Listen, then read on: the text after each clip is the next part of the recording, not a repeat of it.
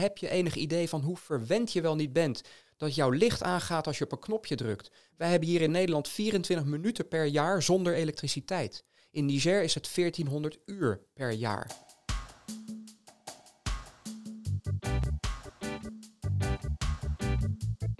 Arash Azami noemt zichzelf het grote ongemak in de energietransitie. Als oprichter van Unify Energy daagt hij het bestaande systeem uit haalt daarbij inspiratie uit hoe het internet en de natuur werken. Zijn droom is om wereldwijd toegang te bieden tot schone, hernieuwbare en conflictvrije energie. Waar die drijfveer vandaan komt en wat zijn achtergrond als jazzmuzikant daarmee te maken heeft, dat hoor je in deze aflevering van de podcast Het Ongemakkelijke Gesprek. Mijn naam is Michel van Kats. Naast mij zit Marije van der Made.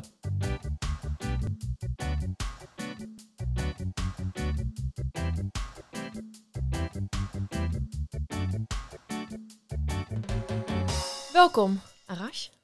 Dankjewel dat je hier bent.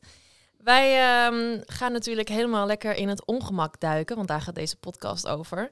En daarom vonden we het echt heel erg grappig dat jij ehm, in het voorgesprek zei dat jij zelf het grote ongemak bent. Maar dan in de duurzame energietransitie. Kun je daar iets over vertellen of kun je dat uitleggen? Ja, dat klinkt heel pretentieus, hè? maar ik, ik, ben, ik ben vooral ongemakkelijk, denk ik, voor mezelf. Ehm, ik, ik, ik, ik, neem niet heel snel genoegen met um, uh, conform de norm. Uh, zo, zo, zo ging het altijd, dus zo, dus zo gaat het toch. Dus ik, ja, ik, heb, ik heb nogal de neiging om echt de, de, de, de vragen te stellen bij, uh, bij, bij, bij de zaken die, die heel veel mensen voor lief nemen. Um, hè, dus de, de markt zit, zit in elkaar zoals die zit. Nee, dat is helemaal niet waar. De markt hebben we bedacht, dus kunnen we niet een hele andere markt maken. Het energiebelastingssysteem, ja, daar heb ik zelf geen invloed op, maar dat moet helemaal anders. Um, de manier waarop we met energie omgaan, hè, daar kun je van alles van vinden.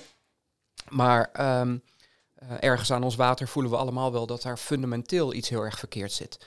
En, uh, en, en, ik probeer naar dat fundament toe te gaan. En dat maakt het voor mezelf heel erg ongemakkelijk om, om uh, succesvol te zijn volgens de normen en standaarden van vandaag. um, en het is af en toe ook ongemakkelijk, ja, omdat, je, omdat, omdat je daarmee onwillekeurig ook in een dialoog raakt met mensen om je heen. Ja, die, die ontzettend succesvol zijn in de wereld zoals die vandaag is. Ja. En, en waarbij ik me ook wel eens afvraag van ja, maar meen je dan wel wat je zegt? Ja. Um, in, in hoeverre is duurzaam dan duurzaam? Of in hoeverre, in hoeverre ben je wel echt goed bezig? Uh, en, en ja, als, als we het helemaal plat slaan, uh, niet meer dan een, uh, dan een poster met een mooi verhaal. Ja. Dus, ja wat voor mensen zijn dat waar jij, tegen, waar je tegenover komt? Even vanuit.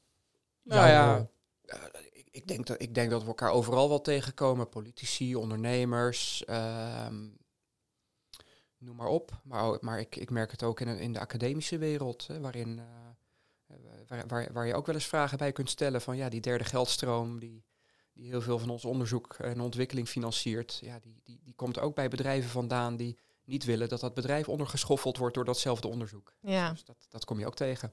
Maar we kunnen jou dus opperhoofd uh, omdenken noemen. Uh, dat, dat, dat, dat, weet ik niet, want dat is. Uh, um, maar, maar je mag weten dat ik mezelf er lekker mee in de weg zit. En ja. dat dat ook wel zo zal blijven. Kun je een voorbeeld noemen van zo'n gesprek? Uh, ja hoor, ja, ja. Ik was, uh, nou, ik ben, ik, ik heb, ik heb, ik heb een heel verleden gehad voordat ik dingen met energie ging doen.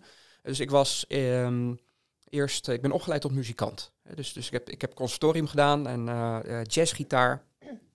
En ik leef nog steeds als een soort jazzmuzikant, denk ik, op bepaalde vlakken. en toen ben ik in online tech gekomen. Maar dat was in de tijd dat we nog aan het bedenken waren van ja, dat internet dat zou nog wel eens heel groot kunnen worden. Maar, maar wat gaat het eigenlijk doen? Hè? Dat was in de jaren negentig. Uh, super kansrijk. En daarna pas kwam ik in de energie terecht. Maar ik kwam dus in de energie uh, in 2005, 6. Um, nadat ik allemaal uh, heftig innovatieve dingen mocht doen in, in de internetwereld. En ja, toen schrok ik. Toen schrok ik enorm van uh, ik dacht, ja, dat loopt misschien een paar jaar achter, maar dat liep twintig jaar achter. En, mm-hmm. um, en, ik, en ik merkte bijvoorbeeld dat al die energiebedrijven in hun marketing bijvoorbeeld uh, heel makkelijk praten over, ja, we willen zo graag dat je bespaart en dat je, dat je, dat je duurzamer bent en dat je minder energie gebruikt. En ondertussen is hun hele businessmodel, um, hoe meer ik verkoop, hoe meer ik verdien. Ja. Ja. Dus ja, hoe zit dat dan? dat ga ik dan vragen. ja. Leg dat dan eens uit. Want ze daar een wil jij dan minder winst? Nou nee, zo moet je het ook weer niet zien. Ja, maar ga je dan je businessmodel veranderen, zodat je je marge niet meer maakt op je volume? En dat je je marge maakt op het minder maken van je volume? Ja, nee, dat kan nog niet. En dat, dat, ja, op een gegeven moment ben ik gewoon weggegaan. En ik dacht, ik kan hier toch niet werken. Het was bij zo'n grote corporate die een enorme duurzame naam heeft. Ja, doei dus dus, dus ik, ik, ben, ik, ben, ik ben weggegaan. En ik, ik heb toen zelf een energiebedrijf opgericht in 2009, 10. Dat was het eerste energiebedrijf in de wereld dat meer ging verdienen als het minder energie verkocht. Want ik wist dat het kon. Het modelmatig kon het. We hebben het doorgerekend. Ik heb, ik heb een van de Big Four accountants erachter gezet om het model echt helemaal te valideren. Dus ik dacht, nou ja, als het op dat niveau al te valideren is, dan moet, moeten we het toch gewoon doen. Dan weet je toch gek als je dat niet gaat doen. Dus dat ben ik gaan doen. En, uh, en dat heb ik vijf jaar lang gedaan. Totdat het systeem ons achterhaalde. En, uh, en bleek dat je, dat je continu ook weer in de spanning zat met ja, maar de wet en regelgeving die vereist dat. dus ik had op een gegeven moment, ja, ik besloot, ik maak geen marge op energie. En dan kreeg ik van de autoriteit Consument en Markt uh, tik op de vingers, omdat onze prijzen te laag waren. Ik zei, ja, maar dat, dat is nogal wiedes, want die hele marge die moeten we steken in uh, al die oplossingen die je nodig hebt om minder te gebruiken. Ja. dus de, ja, maar dit mag niet. Ja, maar dit moet mogen. en, en dan krijg je dit soort gesprekken. Ja, dus, dus dus dat is een beetje mijn, mijn verleden en een beetje mijn insteek ook. En dat is het nog steeds. Ja, dus jij bent misschien een van de eerste ondernemers geweest hè, die, die het, het kader groei, hè, want dat is natuurlijk gewoon een heel oud, al, oud adagium in het, in het bedrijfsleven, ja. hebt kunnen omgooien. Terwijl, terwijl de discussie groei, degroei noem je dan, of ontgroeien, hè, hebben ze het dan vaak over. Ja. Jij zegt dus eigenlijk dat je zelfs kan groeien door, door minder te verkopen. Absoluut. En dat is nog steeds mogelijk, zeg Absoluut. Jij. Alleen het systeem maakt het wel extreem moeilijk. Het systeem maakt het extreem moeilijk. Kijk, we, wij willen nu minder energie gebruiken. En de oplossing die we daarvoor hebben bedacht is dat we meer zonnepanelen gaan verkopen, meer isolatiemateriaal verkopen, meer piepschuim verkopen, meer weet ik wat allemaal verkopen. Uiteindelijk is het onderaan de streep toch weer meer, meer, meer, meer, meer. En, mhm. en, en word je toch weer, um, ja, denk ik, gedwongen tot consument zijn, tot eindstation zijn in een of andere keten waar je zelf helemaal geen invloed op hebt. En, en, uh, en krijg het maar door het strot gedouwd. En ik, ik, ik, denk zelf dat dat gewoon helemaal niet nodig is. Um, en want systemisch gaat het helemaal niet om meer, meer, meer. En als je een bos inloopt en, en, en elk organisme wil alleen maar meer, meer, meer. Ja, dan, uh, dan, dan, dan gaat dat bos hartstikke dood binnen de kortste keren. Dus, dus het gaat om precies genoeg. Um, we hebben een energiesysteem waarin het geld verdiend wordt omdat er een verschil bestaat tussen vraag en aanbod. Dat is hoe de mhm. markt in elkaar zit. Hoe groter het verschil tussen vraag en aanbod, hoe uh, uh, succesvoller je kunt zijn als uh, aanbieder van, van energie, bijvoorbeeld. Um, maar eigenlijk zou het moeten zijn dat het punt van hoogste waarde moet zijn de perfecte overeenstemming tussen vraag en aanbod. Dus het punt van balans. Mm En daar zou je op beloond moeten worden. Dus dat betekent dat je het hele marktmodel moet gaan herschrijven. Het belastingmodel moet herschrijven. Het, het, um, en, en, uh, en ik denk dat dat de uitdaging is die we, die we voor ons hebben. Want anders ja, dan, dan kun je heel hard energietransitie roepen, maar feitelijk verandert er niet zoveel. Nee.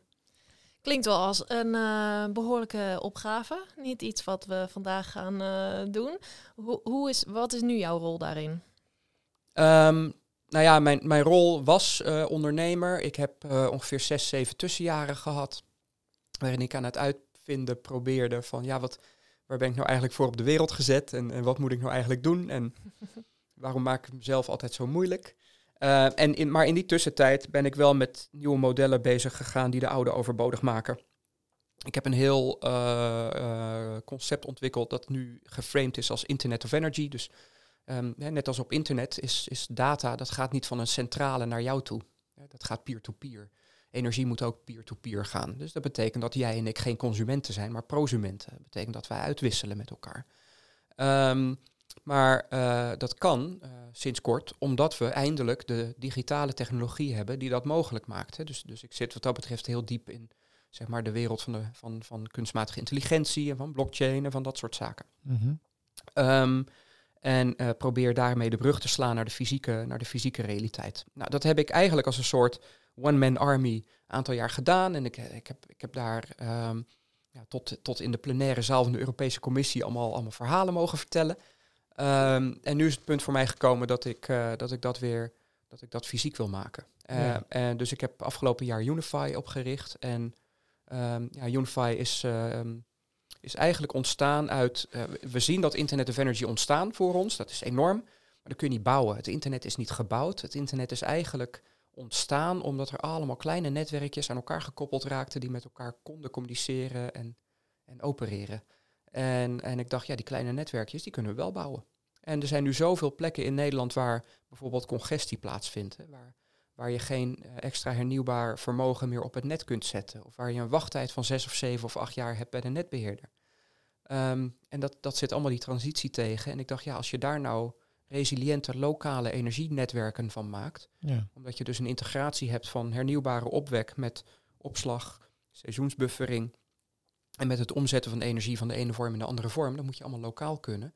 Ja, dan krijg je dus eigenlijk een soort celstructuur in dat energiesysteem, waarin je dus niet meer dingen allemaal naar centraal niveau moet sturen om eh, problemen voor je op te lossen, maar waarbij ik zeg het lokale probleemoplossend vermogen, dat moet maximaal zijn. hoe, hoe ziet dat er, hè, even voor, voor beeldvorming ook voor de luisteraars, stel, we, stel dit, hè, die, die celstructuur gaan we fysiek, uit, fysiek uitrollen in de Nederlandse, eh, Nederlandse maatschappij, noem ik het maar even. Hoe zou dat er, dat er praktisch uitzien? Hè? Hoe, hoe zie je dat? Ehm, Is dat een stuk land bijvoorbeeld waar dan zonnepanelen liggen en die buurt eromheen daar iets uithaalt? Of Ja, bijvoorbeeld. Het is, het, het, het, het, is, ehm, het is complex, maar het is niet ingewikkeld, laat ik het zo zeggen. We, we hebben de neiging dingen heel ingewikkeld te maken. De natuur is niet ingewikkeld, die is complex, maar die hangt van, van logische keuzes aan elkaar. En ik denk dat als je, ehm, als je die principes toepast in het energiesysteem, dan zie je, ehm, ik eh, heb nu X nodig. Ik heb nu energie nodig. Nou, waar kan ik dat vandaan halen? Dat kan ik kopen van een eh, centrale ver weg. Ik kan het ook zelf oogsten. Wat heb ik daarvoor nodig? Panelen. En dan kom je op het volgende punt. Eh, die panelen die liggen er en die maken heel veel energie. Eh, ehm, als de zon heel hard schijnt midden overdag, maar ja, dan ben ik er helemaal niet. Dan, dan ben ik aan het werk ergens Mhm. anders.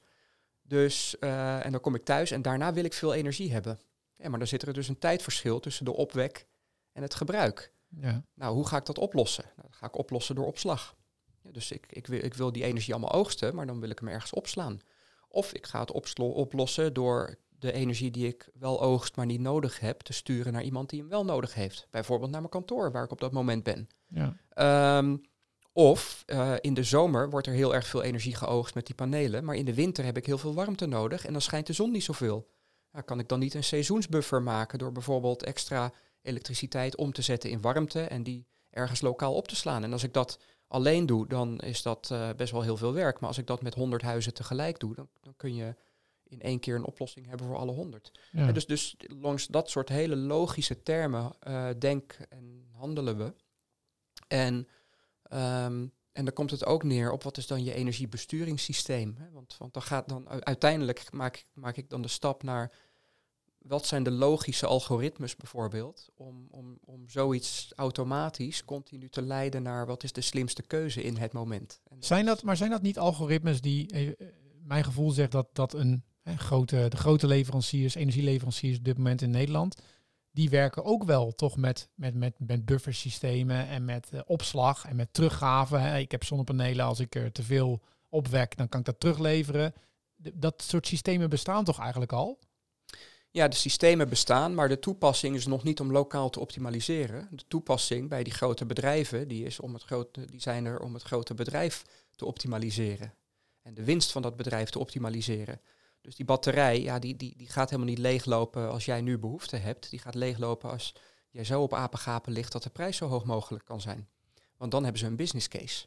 En ik denk, nee, die, dat kun je dus allemaal lokaal oplossen. En daarin kun je veel onafhankelijker zijn dan dat je nu bent van, van alle grote clubs. Maar bij wie ligt het initiatief voor dit, wat een heel mooi plan klinkt? Bij jou. Bij de consument. En bij ons. Ja, en ik, ja, en ik heb eigenlijk een beetje. Ik denk dat we moeten uh, onsumenten. Um, consument is het eindstation. Um, uh, uh, is de eindgebruiker. Ik denk dat in zo'n energiesysteem er is er geen consument. Kunnen we niet denken in termen van een consument, omdat je, omdat je namelijk een brenger bent en, uh, en iemand die iets nodig heeft. Dus, dus Ja. we zijn altijd allebei. Ehm, we zijn het enige organisme dat een vorm van afval produceert dat niet door een ander organisme als voedsel wordt gezien. En dat is ten gevolge van onze neiging om consument te zijn. En ik, ik denk dus echt, ja, teach your children not to be consumers. Ik denk dat dat een soort adagium mag zijn in onze. Ja, dat is best een, filosofisch, best een filosofische boodschap in deze tijd, denk ik. Ja, misschien is hij filosofisch, maar hij is ook gewoon keihard natuurlijk. Het, wij ontkennen de wetten van de natuur door wel consument te zijn. Ehm, terwijl ik juist denk van ja, als je dus in en met de natuur leeft en jezelf beschouwt als een onderdeel van die eeuwige natuur, ja, dan, dan ben je dus automatisch ook geen consument. En dan zorg je er ook voor dat je niet ehm, een vorm van afval produceert die geen enkel beestje lekker vindt. Ja. Ehm, ja. Oké, maar hoe krijgen we mensen mee dan hierin? Nou, mensen die, die, die gaan vanzelf mee. Ik heb jarenlang gedacht inderdaad van ja, hoe kan ik dan anderen overtuigen dat dit belangrijk is? En, ehm, en dat was heel moeilijk. Uh, en tegelijkertijd, tien jaar geleden riep ik van de, de Europese aardgasafhankelijkheid is bizar. 80% van de Europese industrie was aardgasafhankelijk bijvoorbeeld tien jaar geleden. En dat was Russisch gas. Uh, en dan kon je met één druk op de knop kon je dus de hele industrie platleggen. En um, de afgelopen maanden hebben we gezien wat het effect daarvan is. Uh, waarin, waarin eigenlijk een paar geopolitieke besluiten de gasprijs in ieder geval op de spotmarkt keer 10 hebben doen gaan. En ja, dan krijg je ineens. Um, ik heb jarenlang bijvoorbeeld um, mijn best moeten doen om mensen te overtuigen van de voordelen van kiezen voor hernieuwbare energie en voor energieonafhankelijkheid. Mhm. En elke keer krijg je dan, ja, maar wat is de terugverdientijd? Ja, maar uh, uh, die technologieën zijn zo onzeker. Mm. Um, en nu in een paar maanden tijd, vanwege die ontwikkelingen op de gasmarkt, is ineens uh, fossiel onzeker geworden en is hernieuwbaar het nieuwe zeker geworden. Ja. En, um, en, en zie je dat mensen uit eigen beweging zien, wacht even, dit is mijn pad naar onafhankelijker zijn, waardoor ik wel mijn bedrijf kan voeren, waardoor ik wel mijn huishouden kan voeren, omdat ik namelijk zelf de connectie maak met de oneindige natuurlijke bronnen en daar technologie voor inzet om, op, om dat op een prettige, controleerbare manier te doen. En ineens zie je dus echt dat er een enorme pool is gekomen, juist vanuit dat nieuwe systeem. En dat we naarstig op zoek zijn naar, maar hoe gaan we dat dan op een goede manier in elkaar zetten? Ja. Dus, dus, dus dit is eigenlijk de tijd waarop jij nu moet gaan oogsten, ja. noem ik het maar even. Zeker, ja. ja. ja. Maar, want dus, dus eh, zou dit dan ook het moment zijn, als je naar de ranglijstjes kijkt in Europa, dan staan wij qua hernieuwbare energie bijna altijd in de onderste regionen. Um, is dit dan ook de tijd om dat eens een keer uh, wat, wat, wat, wat omhoog te brengen, zeg jij? Of, of misschien moet ik eerst even vragen, hoe komt het eigenlijk dat wij zo laag staan daarin? Ja, dat is een hele goede vraag. Ja. Um, dat, heeft, dat heeft denk ik met een paar factoren te maken die ik niet totaal kan overzien. Maar één daarvan is dat wij een, uh, een heel erg sterk industrieel hub zijn voor het hele Europese achterland. Als je kijkt naar de hoeveelheid energie die er omgaat, bijvoorbeeld alleen al in de Rotterdamse haven, dan, dan, is dat, dan is dat in de haven al meer dan dat het hele land in een jaar gebruikt. Dus, dus dat, eh, heel veel daarvan is echt bedoeld voor andere landen. Betekent dus ook dat de lobby van die kracht enorm is. Mm-hmm. Um, wat ik ook zie is dat wij best in een heel laat moment uh, nog hebben besloten dat het goed zou zijn om een elektriciteitsexporterend land te moeten zijn. Van dat dat een goede positie voor Nederland zou zijn. Maar wij konden nooit een elektriciteitsexporterend land zijn als we niet een grondstofimporterend land waren. Dus hè, we zijn kolencentrales gaan neerzetten en die kolen die kwamen uit allerlei verre buitenlanden. Um, en dat zijn vested interests. Dat zijn, dat, dat zijn hele diepe investeringen die je hebt gedaan, waarvan je dan toch hoopt van ja, maar die wil ik eerst terugverdienen en daarna gaan we ons echt heel goed gedragen Mm. hoor. Um, en nu, nu zitten we midden in de fase waarin die centrales inderdaad uitgezet worden. En dan moet je af en toe een paar honderd miljoen subsidie tegenaan gooien. Uh, en dan zijn we geen e- elektriciteitsexporterend land meer. Um, en wat ik, wat ik ook zie is onze energiebehoefte is enorm groot ten opzichte van het grondoppervlak dat we hier in Nederland hebben. Dus we hebben echt enorme energieconcentraties. Dat komt voor een heel groot deel door industrieën. Het komt ook voor een deel door de uh, opkomst van datacenters in Nederland. Ja. Um, het komt uh, ook voor een deel doordat wij zelf als gebruikers van energie, gewoon als individuele gebruikers, heel energie-intensief leven. Want we hebben het iedere keer over de 3000 of 3500 kilowattuur die we gemiddeld per jaar gebruiken als huishouden. Maar je moet daar ook de 12 à 15.000 kilowattuur voor je verwarming bij tellen. Die we nu in gas doen, dus niet in kilowatturen tellen. En de 10 à 15.000 kilowattuur die we allemaal in onze auto stoppen elk jaar. Mhm. En dan heb je ineens 30.000 kilowattuur om te offsetten. Dat is echt heel erg veel. Dat kun je met je dak nooit voor elkaar krijgen.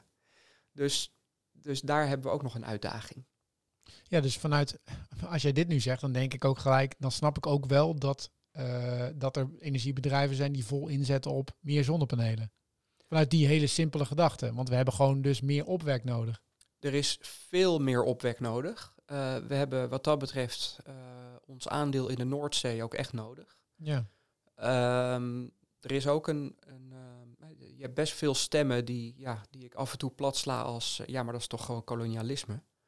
Um, ja, kunnen we dan niet grote hoeveelheden energie uit Noord-Afrika halen omdat daar de zon zo hard schijnt? Mm -hmm. Ja, dan denk ik, wacht even. We hebben, ik ben opgegroeid in West-Afrika de gemiddelde Nigerees in Niger, waar ik woonde, die gebruikt per jaar een, een honderdste van onze hoeveelheid energie. Een honderdste. En al die mensen die verdienen een kans om net zo welvarend te leven als wij. Dus eigenlijk moeten die eerst nog keer honderd. Ja. En daarna kunnen wij eens gaan praten over of we daar nog iets samen met ze willen doen. En anders vind ik het gewoon niet eerlijk. Nee. Ehm, hè, dus dat betekent ook uh, dat, we, dat wij echt moeten leren om te roeien met de riemen die we hebben. En dat zou betekenen dat een deel van de industrie gewoon weg moet uit Nederland. Uh, economisch is het misschien aantrekkelijk voor Nederland, maar het hoort hier niet te zijn omdat de energie die ervoor nodig is gewoon niet hier vandaan komt. Is dat waar de grote impact dus moeten maken, zeg jij? Nou ja, kijk, uh, procentueel maak je de grote impact op de industrie. Er zijn mm. twaalf bedrijven in Nederland die 75% van alle CO2 in Nederland uitstoten. Mm. Als je kijkt in termen van energiegebruik, dan zijn er ook maar een paar bedrijven in Nederland die het allergrootste deel samen doen. Als er nu in Zeewolde één nieuw datacenter wordt neergezet, dan gebruikt dat ene datacenter een hele procent van alle elektriciteit die in Nederland nodig is. Die komt er gewoon bij. Waar komt die elektriciteit vandaan dan? Ja. want die, zo'n datacenter wordt gezien als één hectare vol met computers. Um, maar dat is helemaal niet waar. Het is 500 hectare, waarvan 1 hectare computers en 499 hectare noodzakelijke windmolens die dat ding moeten poweren. En als we die windmolens daarvoor niet neerzetten, dan gaat dat ding dus ergens een kolencentrale aanhouden. Ja. Ja, volgens mij is dan ook. Ja. Um, want ik hoor ook alweer mensen zeggen van ja, als we nu alles, alle energie groen willen maken in Nederland, dan staat het hele land vol windmolens en ieder dak met een zonnepaneel en dan hebben we nog niet genoeg. Maar jij zegt dus inderdaad, we moeten ook vooral gewoon minderen. Nou ja, ik, ik zeg niet per se dat we moeten minderen. Ik zeg dat we moeten accepteren dat energie een onderdeel is van onze, van onze leefomgeving. Hmm. Ehm, en um, in, rondom 1650 was Nederland, eh, denk ik, werelds beste voorbeeld van energiehuishouding. In de Zaanstreek, ik ben in Zaandam geboren, in de Zaanstreek stonden toen bijna 700 molens. Het grootste deel waren windmolens. Die maakten dat, dat, dat, dat, dat, gebied ontzettend welvarend. Ehm, maar die konden het alleen maar doen als de wind waaide. Maar een deel van die windmolens die waren bedoeld om water naar hoger gelegen gebieden te pompen. En uh, dat was natuurlijk handig omdat we daar voor een deel onder zeeniveau zaten. Maar het was super handig omdat je een deel van dat water terug kon laten vloeien als er geen wind waaide. En dan had je ook nog de Rosmolenbuurt in het centrum van Zaandam, waar paarden om molens heen liepen. Als, als er geen wind en water voorhanden waren. Dus dat betekent dat er al een, een dubbel redundant, 100% hernieuwbare energie gebaseerd systeem bestond in 1650. Maar de consequentie was wel dat energie overal zichtbaar was. En in de natuur is energie ook overal zichtbaar. En dat vinden we heel mooi, hè? want dat zijn plantjes en blaadjes die fotosynthese doen en dat soort dingen. En ik denk dus dat we veel meer moeten kijken naar hoe kunnen we energie overal in het landschap verweven, zonder dat het een verstorend element is in dat landschap. En dat dat in de tussentijd kost dat je 15 jaar moet kijken naar een lelijk hoog ding met, met, uh, met witte draaiende wieken. Nou ja, swa, dat is dan maar zo. Ja. Maar dat is altijd beter dan troep verbranden in een centrale die je ver weg neerzet en waar je de consequenties in eerste instantie niet van voelt. Ja. Ja. ik zie de krantenkoppen alweer uh, voor me hoor. Uh, weet je wel, dat is natuurlijk ook wat je vaak hoort ja, ik ben helemaal voor duurzame energie, maar die windmolen mag niet in mijn achtertuin. Ja, en dat is denk ik ehm, het thema. eh, iedereen wil verandering en heel weinig mensen willen veranderen. Run, Ja. Ja. En ehm, weet je, we zijn wat dat betreft zo knijter verwend. Eh, we hebben de luxe om te klagen. Ja. Er zijn heel weinig mensen in de wereld die überhaupt die luxe hebben. Ik zou, ik zou eigenlijk die mensen willen vragen: heb je enig idee van hoe verwend je wel niet bent? Dat jouw licht aangaat als je op een knopje drukt. Wij hebben hier in Nederland 24 minuten per jaar zonder elektriciteit. In Niger is het 1400 uur per jaar. In Nigeria is het, eh, is het 4600 uur per jaar. Meer dan de helft van alle uren van het jaar is er überhaupt geen energie voorhanden. Weet je wat dat betekent voor operatiekamers? Weet je wat dat betekent voor, voor dataverkeer? Weet je wat dat betekent voor het onderwijs? Hè? Dus, dus in die zin, wij zijn extreem verwend. Mag het dan een keertje een klein beetje ongemak kosten? Ja, ja. ja de- dit is denk ik ook het punt. Maar doordat we zo verwend zijn, ga maar eens ontverwennen. Dat, dat, hè? Dus jij zegt ook eigenlijk van we, moeten de, we zijn de connectie met, met de energie ook heel erg kwijt. Want het is er altijd, het is er overal. Ik steek een stekker in het stopcontact en hij doet het. En hij doet het eigenlijk altijd. Hoe gaan we ooit, hoe gaan we dat ooit, de- het Nederlandse volk, nou, het volk überhaupt, die connectie terug laten brengen? Hè? Dus de, ook de connectie met, het voel ook heel veel eh, parallellen met connectie met de natuur. Dus, dus eh, hoe, hoe, hoe zie jij dat? Hoe gaan we dat voor elkaar krijgen? Ja, dat, dat gebeurt sowieso. Het gebeurt goedschiks of kwaadschiks. Hè? Want, want de wal die keert het schip uiteindelijk wel. Wat we nu zien is dat er een exponentiële toename is in stroomuitval. Wereldwijd in alle landen die, eh, die te maken hebben met, eh, met een energietransitie. Dus dat betekent dat elke paar jaar je een verdubbeling ziet in het aantal minuten dat we zonder stroom zullen zitten. En in Nederland voelen we die bui ook al hangen. Dit voelen we al jaren. eh, maar daar wilden de netbeheerders het liever niet over hebben. En nu, nu zijn het ineens wel krantenkoppen. We hebben netcongestie, we hebben file op het net, we hebben een lage kwaliteit van stroom en spanning. Het hele, het hele systeem staat onder druk. Ehm, we worden nog steeds beloond om, eh, om eh, zoveel mogelijk energie te pompen in een moment, omdat, omdat dan de prijs lekker hoog is. Maar om dat te kunnen doen hebben we extreem veel koper nodig, eh, extreem veel kabels. Ehm, terwijl we eigenlijk ook het systeem kunnen inrichten om vol continu een, een, een dunne kabel te gebruiken. Maar ja, dan heb je geen markt. Hè, dus, dus in die zin denk ik dat wij, ehm, dat wij noodgedwongen inderdaad of steeds vaker stroomuitval hebben, of op een hele andere manier met het systeem omgaan. En dat, maar dat betekent wel de dood van een aantal marktpartijen. Of in ieder geval van een aantal businessmodellen. En dan hoop ik dat die partijen die achter die modellen zitten, in de tussentijd een nieuw model adopteren. Die liggen klaar voor ze, maar dan moet je het wel willen. Ehm, en, en voor ons als individuele gebruikers denk ik, investeer in onafhankelijkheid. Alsjeblieft, doe dat. Wat je ook kunt doen. Elke kilowattuur die je minder nodig hebt, omdat je hem niet hoeft te gebruiken, die hoeft ook niet ergens ingekocht of, of, eh, of verbrand te worden. Elke kilowattuur die je vervolgens zelf kunt opwekken, wek die alsjeblieft zelf op. En elke kilowattuur die je vervolgens kunt verschuiven in tijd, omdat je je eigen storage en je eigen buffering oplossingen hebt, die maakt jou gewoon zoveel minder afhankelijk van allemaal grillen waar we geen controle over hebben. En weten dat er exponentieel meer problemen optreden, dat je, eh, dat je in die zin gewoon spekkoper zult zijn. En, ehm, en dat is, weet je, dat is geen doomsday prepping verhaal, maar stiekem ergens ook wel. Want ja, ik kijk gewoon naar de lijnen, ik kijk gewoon naar de data en naar de trends en je ziet gewoon die exponentiële toename. Ja. Ehm, en voor je het weet is die super vervelend. Nou ja, dan, eh, dan kun je dus niet meer zomaar het licht aandoen op het moment dat je op een knopje drukt. Dan zul je daar een andere handeling aan vooraf moeten laten gaan.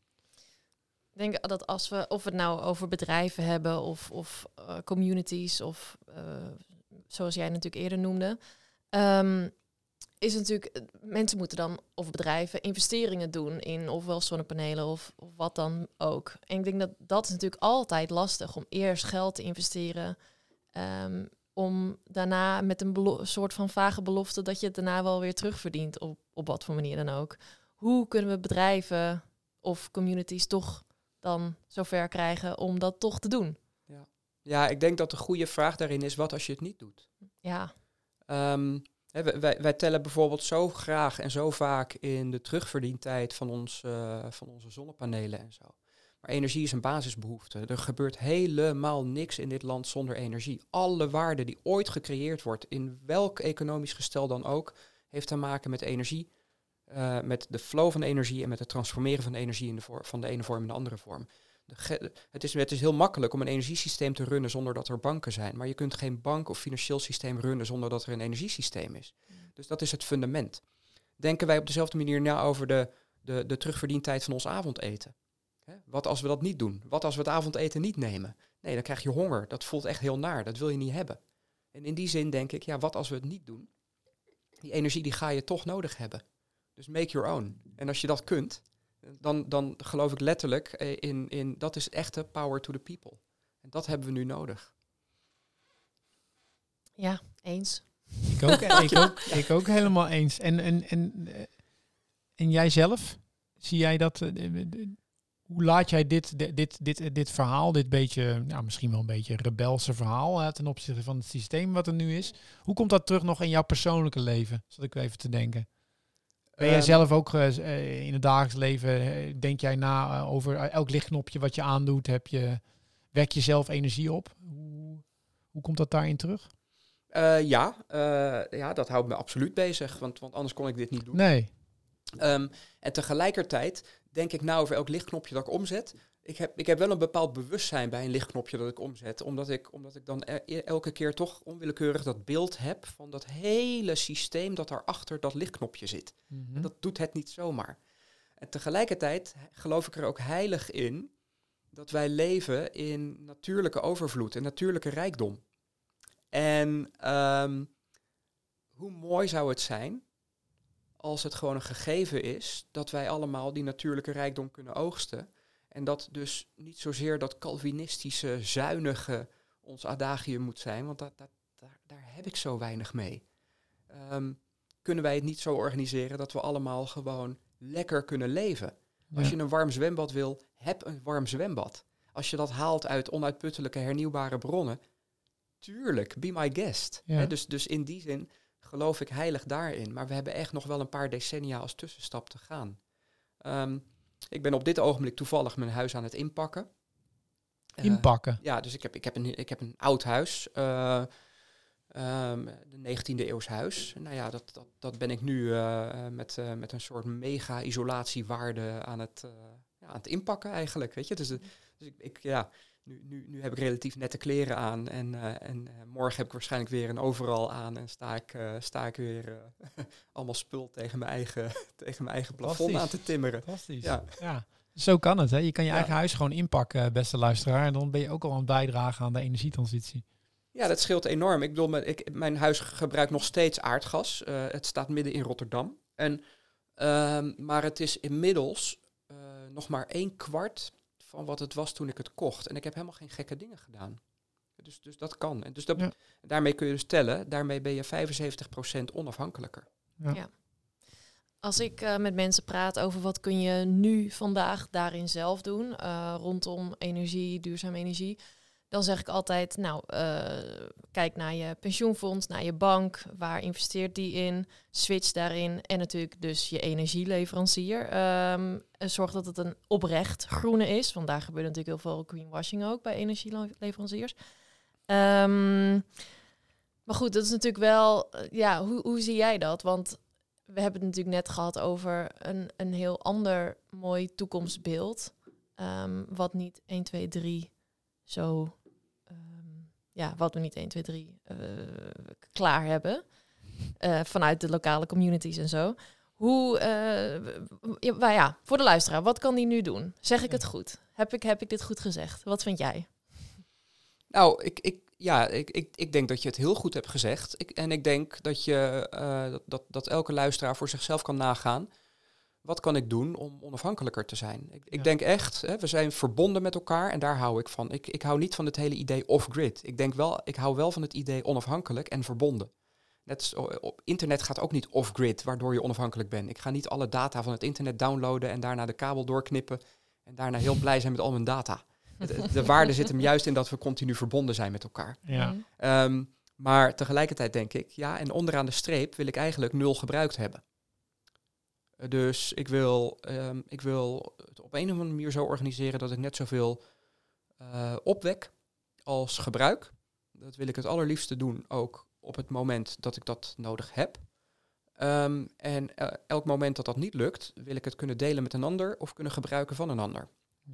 En ik weet dat er heel veel mensen, dat heb ik zelf ook jarenlang gedaan, in huizen wonen, bijvoorbeeld appartementen, die, uh, ja, ik, ik ga geen zonnepanelen uh, op de vloer van mijn bovenbuurman leggen. Dus dus dat, dat, dat werkt niet.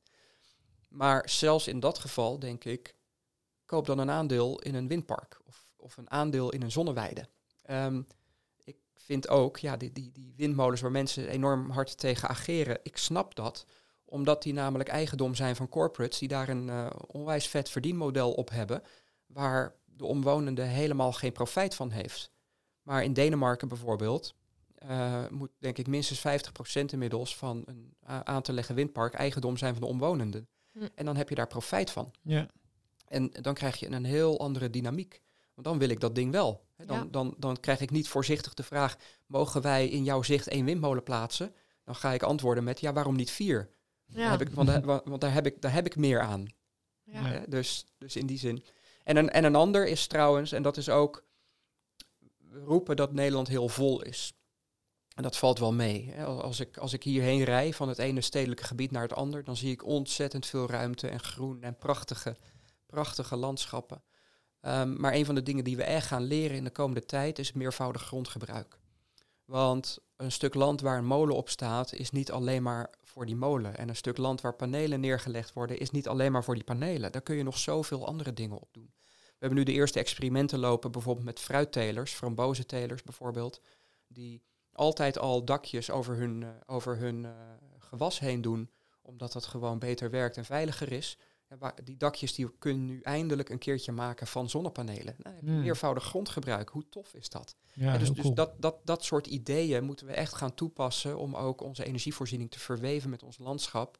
En tegelijkertijd dat prachtige landschap ook blijven gebruiken waar het zo goed voor is. Namelijk um, laat de natuur de natuur zijn en, en, en, en maak daar hele mooie dingen mee. Ja. Laat de natuur de natuur zijn. Ik denk dat ik even nog naar de laatste vraag ga. Uh, en de laatste vraag uh, probeer ik vaak even aan de gasten vragen in het kader van uh, het thema van NE22, Ode aan het ongemak.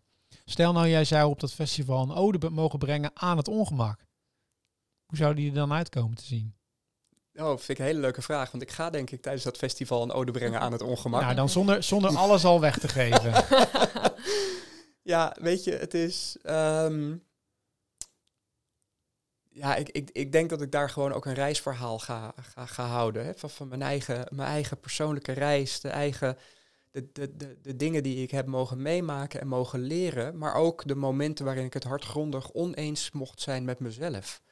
Gewoon door voortschrijdend inzicht. Want ik heb ook standpunten gehad waar ik het nu helemaal niet meer mee eens ben. Hm. Ja. Uh, ik was super fel gekant tegen windmolens, bijvoorbeeld. Uh, tien jaar geleden. Dat vonden mensen heel raar, want hij, ik was toch zo'n duurzame energiejongen. Uh, ja, en ik, ik vond het ouderwetse technologie met veel te veel bewegende onderdelen en slijtagegevoelig. Je koopt toch ook geen ouderwetse draaiende harde schijf meer.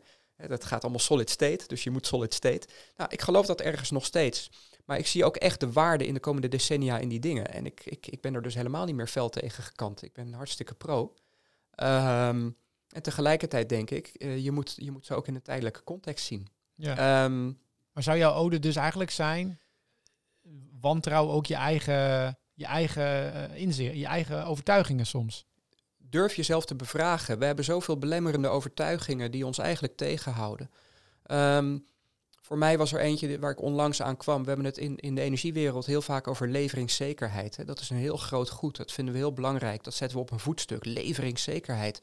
Als je dat woord analyseert, zit daar levering in. Dus dat impliceert dus de afhankelijkheid van een leverancier. Ik wil helemaal geen leveringszekerheid. Hou op met die leveringszekerheid. Ik ben het niet meer eens met het woord leveringszekerheid. Mm. Beschikbaarheidszekerheid is een heel ander woord. Beschikbaarheid, daar kan ik zelf voor zorgen. Ja. Daar kan ik zelf voor zorgen door hè, bijvoorbeeld mijn eigen energiehuishouden een beetje op orde te hebben. Ja. En dan heb ik het dus al over een compleet andere blik op precies hetzelfde probleem. En ineens eh, is die hele leverancier niet meer nodig. Nou, die mag wel dingen leveren, maar dan oplossingen zodat ik hem nooit meer nodig heb. En dat is, uh, nou, ik, ja, daar, daar zal ik wel op ingaan.